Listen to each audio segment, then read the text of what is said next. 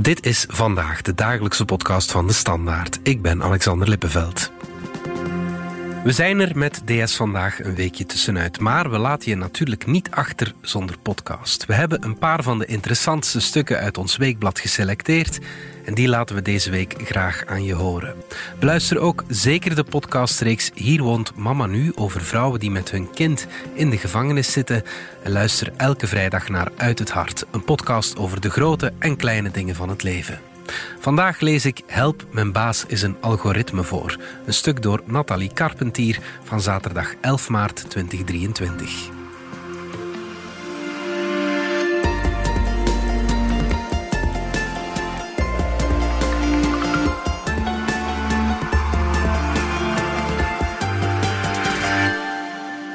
Zullen algoritmes, software en artificiële intelligentie onze jobs overnemen? Het risico is veel eer dat een algoritme de baas wordt. Ik vond dat ik opslag verdiende, het systeem vond van niets. Ik ben al door een AI-systeem geëvalueerd, zegt een projectmanager van een internationaal IT-bedrijf die anoniem wil blijven. Het systeem besliste dat hij geen opslag kreeg. Toen ik mijn baas vroeg waarom, verwees hij naar de AI. Daar zit je dan. Jij vindt dat je opslag verdient en het systeem niet. Die technologie vergroot de afstand tussen jou en je baas. Je baas verwijst naar de AI, een paraplu waarachter hij zich kan verschuilen. Jij weet niet welke gegevens precies in het systeem gestopt worden. Hoe bespreek je dat dan? Bovendien is het systeem niet neutraal, alles hangt af van de data waarmee je het voedt. Het doembeeld dat doorgaans opduikt bij voorspellingen over het gebruik van algoritmes en artificiële intelligentie op de arbeidsmarkt is dat het saaie repetitieve deel van de jobs eruit gaat en veel banen verloren zullen gaan. Terwijl er nog een andere adder onder het gras zit, waarschuwt Valerio De Stefano, professor aan de Canadese Osgood Hall Law School en tot vorig jaar professor aan de KU Leuven. Algoritmisch management, zegt hij, waarbij AI-technologie wordt gebruikt om medewerkers te managen, raakt meer en meer verspreid. De Stefano schreef er een boek over, My Boss is an Algorithm. Zeker sinds de pandemie is het meer ingeburgerd. Toen personeel telewerkte, maakten heel wat bedrijven zich zorgen dat de productiviteit zou slabakken. Met IT-systemen in computers en smartphones van het bedrijf kun je vandaag personeel monitoren. Niet alleen couriers die aangestuurd worden door een app, maar ook kantoorwerkers. Met mijn onderzoek en boek wil ik mensen bewust maken dat zoiets kan, dat zegt De Stefano. Wie zijn job ondanks AI zal behouden, zal vaker een baas krijgen die algoritmes en data gebruikt om hen te evalueren, promoveren of bestraffen, dat meent De Stefano. Het bekendst zijn de van GPS voorziene apps die fiets- en postcouriers tracken en waarmee gebruikers hen een score kunnen geven. Maar ook in callcenters is monitoringtechnologie al goed ingeburgerd. Dat schetst medewerker Leslie. Zodra ze inlogt in het systeem van de energieleverancier, stromen de oproepen van klanten binnen. Voor een gesprek krijgt ze 400 seconden, na afloop 60 seconden om een verslagje neer te pennen en dan komt het volgende gesprek al binnen. Klanten willen soms een bevestiging per mail, maar daar heb ik gewoon geen tijd voor. Tijdens het werk ziet ze haar score. Bij goede cijfers krijgt ze een groene score, anders een oranje of een rode. Haar werk is strak geregisseerd. Eerst moet ze luisteren, dan samenvatten, daarna een oplossing aanbieden en het liefst van al ook nog iets verkopen. En dat in net geen zeven minuten. Je mag geen stap overslaan. En er wordt verwacht dat je ook nog iets verkoopt, een bijstandsverzekering of een ketelonderhoud. Daar word je ook op beoordeeld. Sinds kort krijgt ze hulp van een robot. Die stelt vragen en leidt haar zo door het systeem. De invoering van de robot moest het aantal fouten helpen verminderen. Als iemand geen recht heeft op een terugbetaling, kan de robot dat via gerichte vragen achterhalen. Voor een nieuweling begrijp ik het nut nog, maar iemand met enige ervaring zoals ik weet het antwoord sneller dan een robot. Leslie vermijdt de robot waar ze kan. Ik jaag me er toch alleen maar in op, zegt ze. De strakke regie is niet nieuw, wel dat alles wat ze doet door de toenemende digitalisering sneller en makkelijker te meten valt in real time. Onze teamcoach ziet alles. Hoe lang we bellen, hoe lang we aan een log schrijven, hoeveel agenten beschikbaar zijn. Als iets te lang duurt, mag je een opwerking verwachten. Zelfs in studentenjobs kun je vandaag botsen op digitale rankings en ratings van je prestaties. Ed verkoopt met een tablet deur-aan-deur abonnementen voor goede doelen. Een app geeft aan in welke straten hij moet aanbellen. Zodra iemand toehapt, worden de gegevens in een tablet ingegeven. Alles wordt netjes gemeten. Drie nieuwe abonnees per dag is niet altijd haalbaar. Maar dat wordt wel vanaf het begin verwacht, vertelt Ed.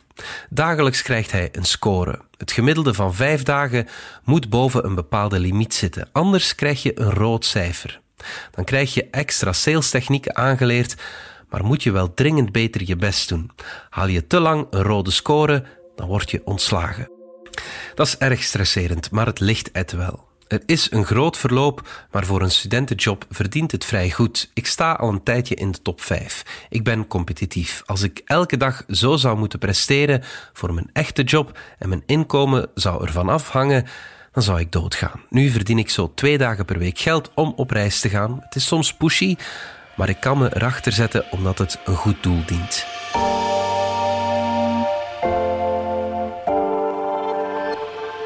Kantoorjobs blijven niet buiten schot. Er zijn genoeg tools op de markt om personeel te monitoren. Dat schetst De Stefano. Mailsystemen kunnen bijhouden of je online actief bent of niet. Andere tools kunnen je tracken terwijl je typt. Ze meten je toetsaanslagen of kunnen je browseractiviteit bijhouden. Bepaalde software kan om de zoveel tijd een screenshot nemen om te weten waarmee je bezig bent. Die data worden vervolgens geanalyseerd en opgelijst in een rapport voor de manager. Maar die systemen zijn niet erg betrouwbaar, zegt De Stefano. Misschien ben je offline, maar bespreek je een idee met een collega of ben je aan het lezen. Helaas hebben sommige bedrijven in Noord-Amerika al salarissen verlaagd vanwege te veel door de software gemeten inactiviteit. Die komt vaak overeen met de tijd dat medewerkers niet achter hun computer zaten, zelfs als ze offline wel taken uitvoerde. M, een expert bankieren, merkt hoe digitalisering en artificiële intelligentie je job kunnen veranderen, ook inhoudelijk. Sinds kort screent een digitale assistent de data van klanten bij de bank en stuurt hem op basis van die analyse opdrachten door. Ze geeft me elke dag drie taken, zegt hij. Toen een klant voortijdig was gestopt met een online aanvraag voor een lening, vroeg ze of ik die even kan bellen. Vroeger moest ik manueel nagaan of iemand 18 was geworden en rijp voor een fiscaal plan. Nu doet de digitale assistent dat. Best handig, vindt hij. Maar de dienstverlening, echt contact met de klant, verdwijnt daardoor naar de achtergrond. Dat was destijds een belangrijke motivatie om voor de bank te werken, zegt M. Vandaag moeten we vooral verkopen. Daar worstel ik toch mee. Soms voel ik me een veredelde stofzuigerverkoper. Door de digitalisering zijn alle prestaties ook steeds makkelijker bij te houden. Zeker in het livecentrum, een bankkantoor op afstand, waar alle online contacten met klanten en prestaties van medewerkers worden gemeten, opgenomen en gecontroleerd. Die informatie kan nuttig zijn, zegt M, maar je krijgt daar wel heel erg het gevoel van Big Brother is watching you. Veel hangt af van hoe onze leidinggevende daarmee omgaat. Als die opdrachten van de digitale assistent dwingend worden, je een grote druk ervaart om te verkopen en je score gebruikt wordt bij promoties, dan wordt het eng, zegt hij. Gelukkig pakt de bank het erg menselijk aan. Maar wat als die mens er tussenuit geknipt wordt en AI scores van medewerkers gewoon begint op te lijsten?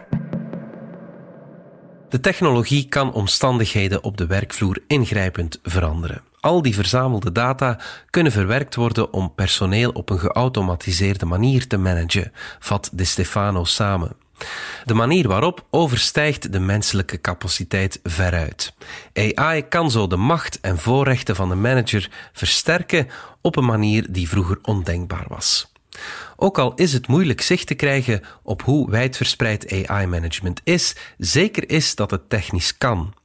De technische mogelijkheden zijn onbegrensd. Het zorgwekkende is dat veel mensen het niet beseffen en dat wetgevers achterop lopen. Dat zegt de Stefano. Als je technologie inzet om beslissingen te nemen over mensen, moet je daar niet alleen over nadenken, maar ook debatteren of dat wel wenselijk is. Dat gebeurt niet of te weinig. Daardoor kan AI-management de rechten van de werknemer sluipend aantasten. Er zijn zeker economische argumenten voor te vinden. Dat zegt onderzoeker Simon Taas, die aan KU Leuven werkt, aan een doctoraat over AI en robotisering. Het kan de efficiëntie en productiviteit verhogen, maar het moet ten dienste staan van werkgever en werknemer. De technologie is soms zo complex dat het nog moeilijk te achterhalen is op welke basis AI een beslissing neemt. Het is van wezenlijk belang dat de menselijke factor aanwezig blijft in de besluitvorming. De AI-systemen werken als een black box, zegt Taas. Heel wat werkgevers weten zelf niet precies hoe ze werken, maar zetten ze wel in om beslissingen over hun werknemers te nemen. Er is geen transparantie. Bovendien heeft het grote gevolgen voor werknemers als ze voortdurend gemonitord en gecontroleerd worden. Dat geeft veel stress. Gek genoeg stoort het callcenter-medewerker Leslie niet dat haar werkgever minutieus meet en controleert hoeveel telefoons ze pleegt en hoe lang ze pauze neemt. Hoe dat komt? Ze is het gewoon gewend. Vroeger werkte ik aan de band in de fabriek. Daar was mijn werk ook gechronometreerd. Destijds kreeg ik 42 seconden per taak. Onderzoekers spreken van digitaal Taylorisme, vat Taas samen. Frederick Taylor schreef in 1911 het boek The Principles of Scientific Management. Een strak gechronometreerde bedrijfsvoering moest leiden tot maximale efficiëntie. Met zijn autofabrieken met geautomatiseerde productielijnen en opgesplitste en strak getimede taken was autobouwer Ford een voorloper in de toepassing van die productiemaximalisatie. Sommige mensen zullen dat hyperefficiënte en gecontroleerde werken oké vinden. Maar voor heel wat mensen is het onprettig, zegt Taas. Het kan niet alleen het mentaal welzijn aantasten, maar dreigt ook de creativiteit te fnuiken en de betrokkenheid bij het werk te verminderen. Als alles wat je doet vooraf wordt bepaald en becijferd, Welke autonomie heb je dan nog als werknemer? Als je autonomie zo sterk wordt ingeperkt, voel je je niet meer betrokken en daalt je werkplezier. Dat herkent vastgoedfotograaf Jan uit zijn vorige job. Elke ochtend kreeg hij op zijn smartphone een lijstje van welke gebouwen hij moest fotograferen.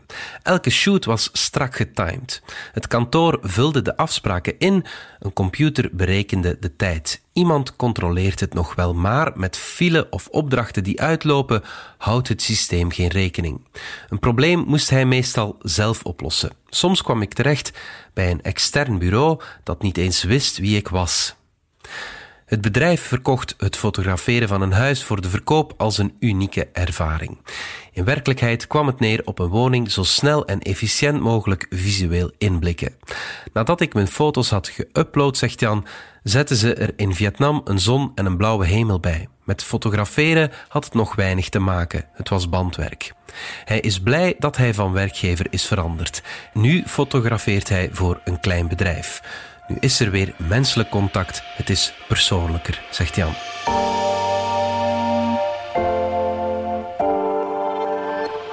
Zelfs voor je de werkvloer betreedt, kunnen machines al mee beslissen. Heel wat grote werkgevers gebruiken digitale platformen met AI om mensen te selecteren, zegt professor De Stefano. Als je online voor een job solliciteert, proberen algoritmes te detecteren in hoeverre je echt geïnteresseerd bent door sleutelwoorden te scannen in je tekst. In die eerste ronde komt er soms geen mens meer aan te pas. Maar is dat noodzakelijk een probleem? Het klinkt efficiënter dan een personeelsverantwoordelijke die honderden cv's moet doorploegen. Toch kan het problematisch zijn. De sleutelwoorden kunnen discriminerend zijn, aldus de Stefano. Algoritme management kan leiden tot vormen van discriminatie, omdat de expliciete en impliciete bias van de programmeurs verborgen blijft. Bij Amazon lieten ze vijf jaar geleden een algoritme cv's scannen, vult Taas aan. Na een tijd merkten ze dat vooral mannen werden uitgenodigd. Wat bleek? Het algoritme herkende een patroon. Mannen waren oververtegenwoordigd in de sector en discrimineerde zo in de aanwerving. AI kan ook maar leren uit de gegevens die ze krijgt, dat zegt Taas. Helemaal zorgelijk vindt De Stefano de ontwikkeling van software die gezichten van medewerkers scant. AI analyseert dan bewegingen in het gezicht om te achterhalen hoeveel zin iemand heeft in een opdracht of om na te gaan hoe ze zich zouden gedragen tegenover boze klanten. Die methode kan ook bij sollicitatiegesprekken ingezet worden. Dat is niet alleen extreem invasief, er is geen enkel argument voor en het is erg onbetrouwbaar. Universele gelaatsuitdrukkingen bestaan niet. Bovendien horen je emoties en gedachten jou toe, niet je baas, benadrukt hij. Die emoties proberen te achterhalen tijdens een sollicitatie, dat hoort gewoon niet. Gelukkig is het in Europa illegaal, al is het soms moeilijk om die norm af te dwingen. Willen we die uitdagingen en risico's het hoofd bieden, dan moeten ze deel uitmaken van het sociaal overleg, schrijven De Stefano en Taas in een onderzoeksartikel. Hoe kunnen werknemers weten of bepaalde software hen vergaand in de gaten houdt? Je kunt het niet weten tot iemand bevestigt dat het wel of niet gebeurt, zegt De Stefano. We bevinden ons nu in een grijze zone. In België bestaat wetgeving waardoor je als werknemer bepaalde info zou moeten krijgen over de impact van technologie. Maar in de praktijk blijft die vaak dode letter, zegt Taas. Bedrijven die zulke tools kopen, weten zelf niet hoe het precies werkt. In Duitsland hebben ze de wetgeving intussen al zo aangepast dat vakbonden het recht krijgen om een expert mee te nemen naar het sociaal overleg. De risico's van die software zijn kleiner voor werknemers in Europa omdat de GDPR-wetgeving bescherming biedt, besluit De Stefano. Bedrijven kunnen zulke applicaties hier vaak niet openlijk gebruiken. Maar uit gesprekken met HR-managers en advocaten die werkgevers bijstaan, weet ik dat ze ook hier ingezet worden. Dit was vandaag de dagelijkse podcast van de Standaard. Bedankt voor het luisteren. Volg ons op Spotify, Apple Podcast of eender welk ander podcastplatform. In onze gratis FDS podcast kan je niet alleen ons werk beluisteren, maar ook de beste podcasttips terugvinden. Alle credits van de podcast die je net hoorde vind je op standaard.be-podcast. Reageren kan via podcast.standaard.be.